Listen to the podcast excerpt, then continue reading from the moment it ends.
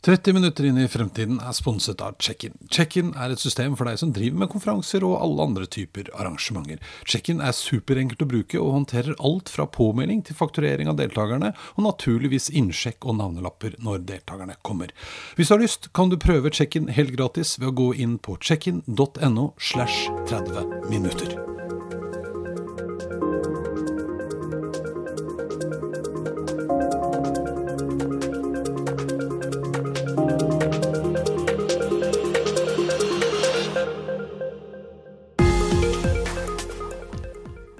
Ridesharing er ikke noe vi nordmenn er veldig kjent med. I alle fall ikke som en tjeneste man både kan tjene litt på, og at den er satt i system. Noen av oss har kanskje hørt om carpooling eller ridepooling, men dette er ikke det samme. Dagens gjest er Pelin Hisal Smines, og hun er administrerende direktør for den norske startupen Samme Vei. Pelin har tidligere bygd opp et tilsvarende selskap i Istanbul, og nå er altså Norges tur. I dag snakker vi om ridesharing, så klart, men også litt om hvordan det er å starte selskap i Norge. Denne episoden er på engelsk, forresten, så det må jo være en første gang for alt. Dette er 30 minutter inn i fremtiden, og jeg er Eirik Nordmann Hansen. Hi, Pelin. Hi. Welcome to me. Uh, thanks. yeah, this is uh, kind of a, uh, a uh, the first time doing my podcast in English, uh, which will be uh, a good thing, I think. I'm very grateful that you are doing it in English. yeah, it would be harder in Norwegian, Yeah. probably. Yeah, It And would my- be harder if I was doing everything for the first time in Norwegian. So Yeah, exactly. And my Turkish, I must admit, is quite rusty as well. So yeah, You can say merhaba. I don't think so. Okay. No. but anyways, tell me a little bit about what you're doing. Um, I'm working for a Norwegian startup called Samme Vei. Uh, it's a ride sharing uh, company. We are making an app for ride sharing. And um I used to work for a similar company uh, in Istanbul. I've, I've done it for six years, and that experience brought me back to here in Norway. Yeah. So uh, how long have you been worked for the uh, Samme Vei? For six months now. Six, okay, yeah. So it's yeah, not even new. six months, five Yeah, months. Quite new, yeah. Explain what is ride share? What, what's the concept? Um, ride sharing is um, it's not something which Uber does, by the way, because Uber has been using this name for um, what they are doing, and what they do is ride hailing. What we do is ride sharing. Ride sharing is also in Norwegian law. Um, if a person is driving from A to B, in any case, and if there there is a passenger which is also happens to uh, needing a lift to that place, and if they uh, come together and share their ride, that's ride sharing. Yeah, okay. So, so if I'm going to Bergen next Thursday, I Mm-hmm. could go into your platform, say that I'm going to Bergen, and then others who would like to join me. Yeah, if there are so, others uh, who would like to go to Bergen, yes. So uh, the difference between regular ride-hailing apps that we are pushing uh, a button and a driver comes to us, uh, that is the main difference. We don't have a professional driver in this platform. All the drivers are uh, the people who are commuting daily. Hmm. So um, that's another difference that uh, our app is focusing on urban commute, not Okay, so it- intercity. Ah, I see. Yeah. Yeah. yeah. And uh, most of the time, this is between suburbs and the city center or business centers. Oh, Good. But uh, uh, why are you making this? Yeah, because we're crazy. Yeah. Um, it's a crazy business, by the way. Uh, I will come to that later. But why we are doing is that um, the future of public trans- public transportation is actually shared because um, right now we are sharing, but it's not in our control. It is uh, done through scheduled buses. Uh, and we are sharing it with a crowd of 45 people on board in a rush hour and that's how it works now. But the future is going to be more on demand more door to door. The control will be more on the passenger actually. Um, i will i will not need to catch a bus. The bus will come to me a smaller bus. And um, we will be sharing it with the people who are starting from a similar point and ending at a similar point so we will not have stops on the way anymore. Uh, right now, for example, in uh, Oslo, uh, a 20 minute ride is taking 40 minutes with a bus because of all those stops on the way. Uh, most people are not even getting uh, off from the bus, actually, if they are starting from the beginning uh, they are they need to go towards the end maybe or they are just needing to go to a connection point like national theater or something uh, and uh, with the shared and door-to-door and on-demand public transport these stops will be uh, eliminated. The drive time is going to be shorter and uh, the buses are going to be smaller so it's going to be easier to operate them. And here comes our part. This requires a very well route merging and route aggregation system. And uh, people should be able to get on board the same bus without any detour. So if I'm getting on board first, and if you are getting like one minute after me, I don't need to go back to pick you up. We should be picking up people only on our way. Hmm. This is the algorithm we are working on. This Okay. is the problem that we are trying to solve. Yeah, so, so, so, so the point here is that I don't have to go to a specific stop. No. I'll, I'll just say that I would like to go from where I am right now to Yeah. somewhere. And then if someone is going along that route dish Yeah. uh, I will be picked up. Yeah. Yeah. Uh, if not f- exactly from uh, your door, at least just a hundred meter walk to the street, main street, or um, something like that. yeah. Yeah. But will this be in addition to public transportation or instead of public transportation or will it be run by I mean you're obviously a private uh, Yeah. player. There are stages for it. We are currently having it more individual user based. So we are a private company for profit running this business with individual users. But what we think is that the whole public transportation system should be uh, coming to this model. So the second stage is going to be having this offer as part of the mobility mix in big cities like Oslo or Bergen or Stavanger. And uh, then uh, after that, uh, maybe replacing some of the fleet with these uh, private cars, which are open for public use, actually. So th- there are a couple of stages for it. We are at the first stage of it now, but piloting for the second stage. So, okay, so so is your service up and running or yeah, it's up and running. Um, the very funny thing about uh, ride sharing is that if you download the app and if you are not going to the same places as many other users are going, you will not experience anything, of course. So therefore, we are trying to run some campaigns to get some user uptake in uh, key areas. Uh, and uh, people who are living in city center may never be able to find uh, some match, but uh, people who are coming from Drammen to Oslo, for example, can find easily some matches. Oh, cool. Yeah. cool, Yeah. But uh, how long has it been up and running in Istanbul? Uh, in six years now. Okay, so Yeah. that's, that's pretty common there.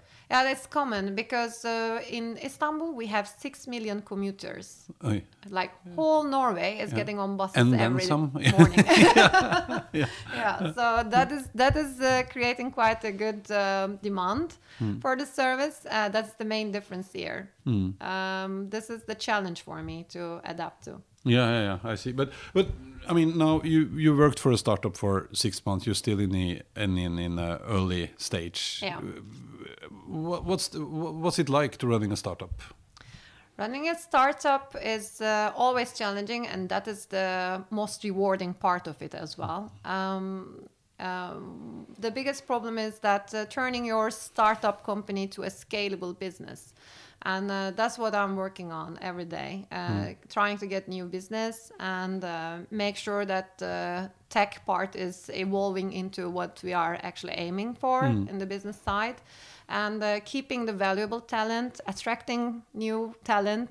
These are the challenges uh, we are facing. Yeah. Are are you looking at yourself or your company as a tech company or as a I don't know transportation public transportation company or We are a tech company trying to provide a service, let's say. It's, Yeah. it's both service and tech company. But uh, in, in order to provide the service to our clients and end users, we need to really uh, focus on our technology. So it's a tech company. thing? Yeah, yeah. But how how hard is that? To, I mean, I, come from a, a tech industry, uh, and one of the biggest challenges was to kind of get the right people, and when you got them, to keep them there. Uh, how is that for your on your part? It's, it's very difficult here too. Um, the first uh, five months that I had here was uh, about mostly uh, recruitment uh, because um the people who were here since the beginning wanted to have new ventures now, so they wanted to leave and uh, take the new opportunities. Uh, very valuable people, uh, but therefore they should actually also look for something else uh, than what they have been doing for the last two years. And uh, then um, um, the the needs of the company is changing, so we are uh, in search of uh, new talents because of that reason as well. So uh, what I saw here is that uh, maybe it's because it's a small country and and because it's a very promising startup uh, uh, country as well now. Uh, finding a talent is a very difficult thing here and uh, i had to uh, i had to go back to my uh, like country again to search for some talent for example Uh, So you're actually importing Yeah, yeah, developers yeah. Uh, to Norway for the time being. Yeah, but how uh, are you working with with other companies as well, providing you services, or Of are you course. doing everything? Uh, Uh, we are working with Knowit. Uh, We are a startup funded by um, Innovation Norway, and uh, thanks to that funding, we have the opportunity to, to work with Knowit ObjectNet, and uh, they are very uh, experienced on. Uh, uh, Especially on mobility uh, companies, uh, they are developing technologies for that, and um, we are working with them for the past uh, four months also. Uh, our um, I'm calling them like our extended colleagues, uh, and uh, they are doing a great job on transforming our startup company to a scalable uh, technology company. So I'm very grateful for that. yeah, but how working with your organization? How many people are you that are employed? Uh, we are right now uh, four, uh, and uh, we have additional three people at Knowit. So it's a very compact uh, team, but that's how it started. Yeah, yeah, yeah, definitely. But what, what what's kind of uh, as a CEO uh, of that company? How do you work? Is the culture the most important thing, or how do you stay people motivated? I guess it's kind of hard in the beginning. Yeah, um, there are two important things about that. Of course, first, uh, uh, cultural integration. Uh, I mean, for me, the first uh, two months was very challenging because I felt everything was happening very slow here. uh, then I understood the reason because the summer was coming and people were uh, tired of the six months winter. So I totally get it now. Uh, but uh, yes, there is some difference uh, in speed. Uh, I can say. I can say. So that is a little bit challenging for me on business development side. Uh, on um, the team management side, um, I see that um, relationships here is not as uh, warm and connected as what I'm used to. And uh, that is very interesting for me because uh, I don't know how to motivate them in Norwegian way. but on the other side, I also see that if you are open, if you are uh, having good communication, and if you are able to deliver the vision of the company uh, clearly and where you are going towards, uh, people are already uh, becoming very motivated. Yeah. So, so you mean that that uh, compared to what you were used to, as you say, uh, are Norwegians kind of? Oh, this is the hardest word I know. Differenti- differentiating more between work and private life. You don't kind of allow yourself to be so connected to the people you work with, or Yeah, I think so. Because uh, with my colleagues in Istanbul, we would go out, uh, have drinks, and um, I don't know, send each other's messages outside of work. Also, uh, here I see it's not very common. no? Yeah, So, And, uh, yeah. people are more uh, distant. Uh, Yeah, feeling yeah, like, yeah. but as long as they do their job, I don't mind. no, no, no, and that's that's how it is. But but looking at uh, the the transportation kind of industry, where do you think we're going? Uh, looking forward with Depends on where you are looking from. I mean, I'm very happy to be in Norway because I see here uh, from state to private uh, operators to public transportation companies and to people. Um, many people are very much focused on sustainability, and uh, this is the key for the uh, future of transportation because. Uh, what I believe is that first we need to uh, eliminate the need of uh, bringing ourselves from A to B daily. This is one of the keys, and I really enjoy this home office uh, trend uh, picking up this fast and good. And second is when there has to be uh, some transportation, it should be uh, done by vehicles which are environmentally friendly. And I'm very happy with the electric vehicle numbers in Norway. I really, really appreciate that.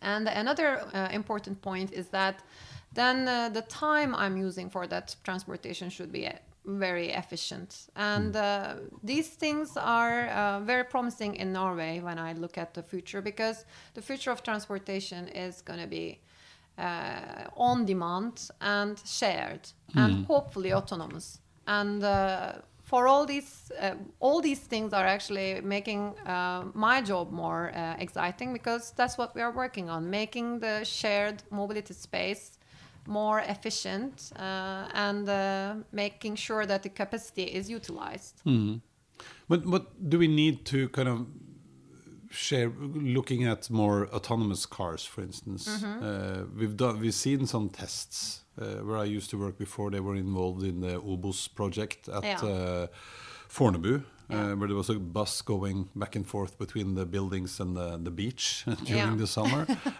but but there's still a long way to go, and I mean, don't forget about the, the, the laws and all that stuff. That's fixable. But but when do you think that we will see autonomous cars actually going around in the streets of Oslo? autonomous cars is going to take minimum a decade Yeah. but autonomous buses shuttles in certain corridors i think within five years we will see them more and more often in a better performing uh, manner than what they are now Yeah. right currently they are going with five kilometer per hour speed uh, like and they are operated in this uh, 500 meter test uh, areas. But i think in five years we will be really getting on board those ones daily and uh, uh, actually using them. And could that be part of, of the service that you are creating? yeah that's what we are hoping for. Uh, what we are working on uh, peer-to-peer level now can be actually used for the route aggregation of the future transportation system. So we are thinking like we are ha- playing a very important role on the transition of uh, today's classic uh, ride sharing towards uh, future's ride pooling. Hmm. So so you could easily be a partner for Ruter, for instance, providing. Yeah, this, this is what we are hoping for. Uh, that uh, public transportation companies can actually see this uh, pattern uh, coming very soon, and that they can actually invest their time and uh, um, resources for it. And I know that uh, I have read uh, this report, and everybody can uh, read that also. It is available on Ruter's website. They had done a really great uh, research project with COWI, and uh, there you can see where this thing is going. It's, it's going to be ride sharing with private cars for public use. Cool. Yeah. Okay. So so like. I have a car going from Drammen to Oslo every day, a- mm-hmm. and I'll be part of, of that service. Yeah. Do I then get paid as a, the driver since it's my car? I can only talk about what is happening today Yeah, yeah, uh, sure. on Yeah. Samme Vei. And uh, yes, you are getting paid. Mm. Uh, you are getting 36 kroner per ride, uh, Mm. up to 36 kilometers. After that, one kroner per kilometer. Uh, the passenger is paying it through the credit card, and you are getting it on your bank account. And we are getting a 10% commission for it. Mm, Yeah, cool. So, but th- then, okay, the next level of share riding would that be kind of extending outside the city area, as you said, commuting, but also going? Uh, yeah, um, the biggest ride-sharing company uh, in Europe is called BlaBlaCar, Yeah, and uh, yeah, they are doing intercity, and um, but they are also coming to an interesting point. They are starting to operate buses, Hmm. so they are uh, they gonna have buses operating intercity, but uh, having uh, the system working on demand like uh, they are doing now. But Hmm. of course, with intercity ride sharing, uh, you have more time to plan. Uh, I may I I may know when I'm going to Bergen, uh, and I may search for it a month or two weeks or uh, two days.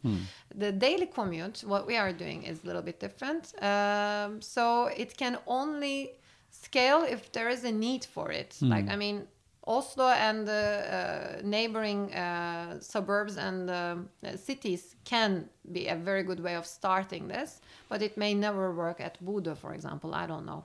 Uh, it, it, there has to be some demand for it. Yeah. So, are there any other areas where we could use kind of the same principles? Do you think? Like sharing. Yeah. Yeah, I mean it's already working like that, but uh, I've heard some companies starting uh, putting um, this um, um, small electric uh, house uh, utility tools, for example. Yeah, Not everybody yeah. needs to own a drill. Uh, I mean they can just share it. Uh, Mm. on mobility space, uh, there are also companies who are helping people uh, send their old items uh, by some people driving uh, to that area. Uh, so there is a lot which can be done. Hmm. But from your standpoint, what is the most kind of challenging thing about trying to get a startup moving?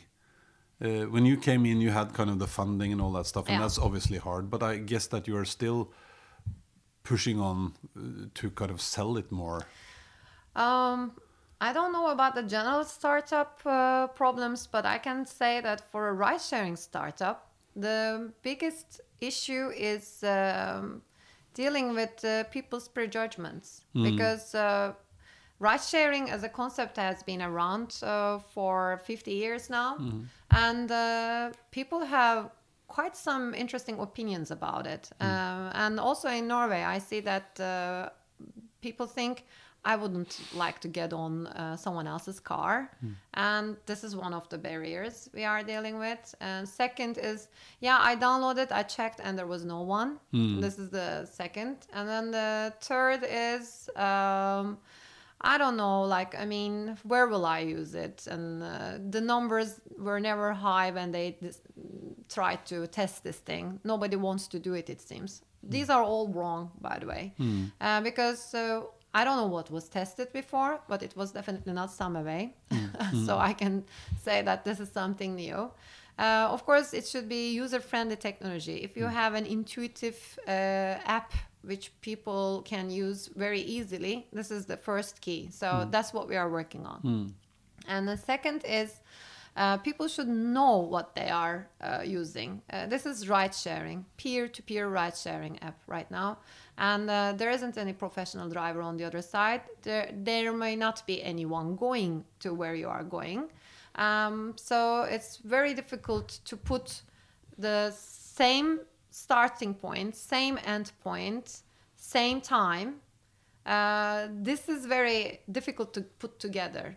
In order to get this critical volume, either you're going to have uh, a lot of marketing budget so that you can get many people on board at the same time and you can actually provide this uh, marketplace for them. But then uh, we would end up like losing $5 billion like Uber does yearly or uh, you will just uh, plan with um, uh, smart partnerships and uh, have pilots and from those pilots you will just expand. This is what we are working on. That is the biggest challenge that i have uh, in front of me now. That uh, getting the public transportation companies and uh, municipalities uh, and some other organizations work together so that we can create the uh, healthiest uh, test environment for this thing. Because once people try it, they love it. And uh, at the recent survey, we found out that 28% of the people who had never done uh, ride sharing before actually is open for it they don't even know what that is, but they are open for sharing their ride with someone. And the main uh, motivation for it is that it is very sustainable. Yeah. So I'm very happy to see that. Yeah, because that's probably a change. Only, I mean, even though we've known that we've been mistreating our planet for a Yeah. while, it's very kind of focused on that now. Uh, but do you see? A, is there a difference between younger people and and older people? There is, and it's very interesting for me. I was just uh, writing about it to my colleagues that uh, in that uh, survey, of course, we were putting people in the age groups, and the age group uh, between 20 and 29 was the most surprising one for me Okay. because they didn't care about environmental factors or this or that. Only reason they wanted to share a ride was uh, because they could meet new people. So Like, okay, yeah. social network. uh, Yes, yeah. physical social network. yeah, or- and yeah. I am happy for it also because this was at least in Istanbul, this was what we were very much uh, counting on. We were thinking like this is the offline uh, opportunity to meet new people, uh, and uh, and I see that the new generation here is also valuing that. Um, the older uh, audience group is uh, up to 50 years let's say. Uh, they are very much open to it. If they can share their ride with an electric vehicle owner Mm-hmm. uh, and they would do it for the matter of saving the planet so Okay. uh, i'm very happy that there's such a I would such a actually guess that it would be the other way around. Actually, Oh, it that younger wasn't. people were more into saving the world, and, and the No. older one would just and the because it funny was thing is that they were also the most suspicious ones about uh, getting in someone else's car. The younger one? Yeah. Yeah. They are so suspicious about sitting in someone else's car, Yeah. yet they are only doing it for the sake of meeting new people. Very confused new generation. Yeah. But do you think that maybe I mean, jokes aside, but I mean, it's kind of something you learned. Uh, Yeah, of that course. don't get into a stranger's car, and and we've kind of gotten used to it with with with Uber uh, Mm. or Uber. Uh, I don't remember how to pronounce it anymore. Mm-hmm. Uh, but uh, uh, how can you make sure? Do you have any mechanisms? I mean, trusting people, trusting the, the different parties here is a very crucial thing. Yeah, we have rating system in the app, Yeah. and um, and I totally get it. I'm coming from uh, a place where trust is even a bigger issue. Uh, here, I'm very happy to see that people are actually uh, having no trust issues in that matter.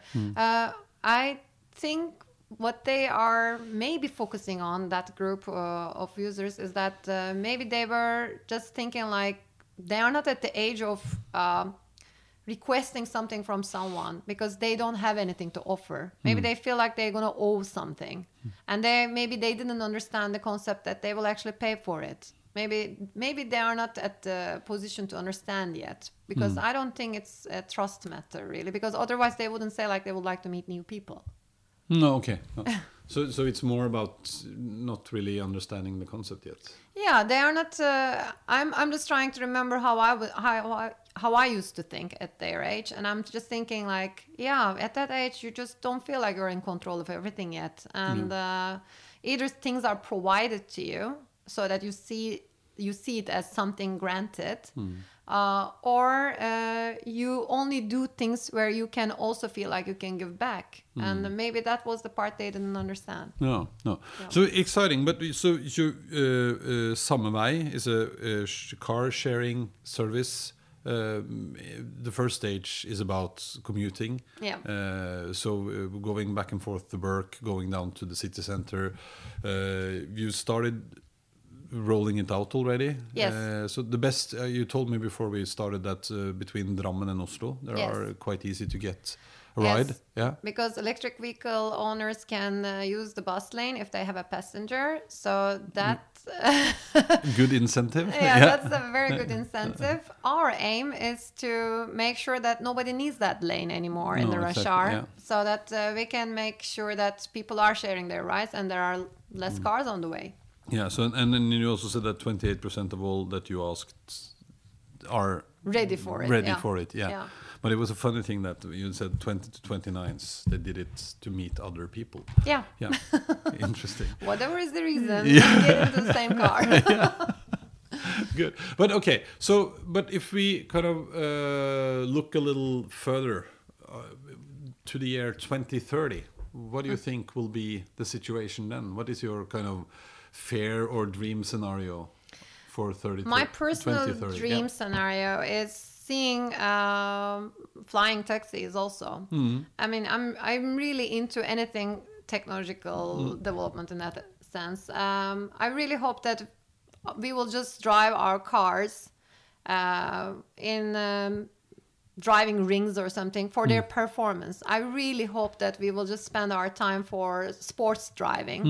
And uh, that commuting is less and less necessary and when necessary it is done with uh, like uh, shared vehicles.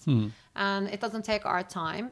I don't think until 2030 we will be finding the beaming uh, feature yet. So No. uh, this is my hope for it. The beam, yeah, that would be cool. that would be cool. Yeah, but Yeah. flying, flying cars or transportation. I mean, Uber, uh, Uber is already Yeah, they are uh, testing it. Testing it. Yeah. Uh, when do you think it will be?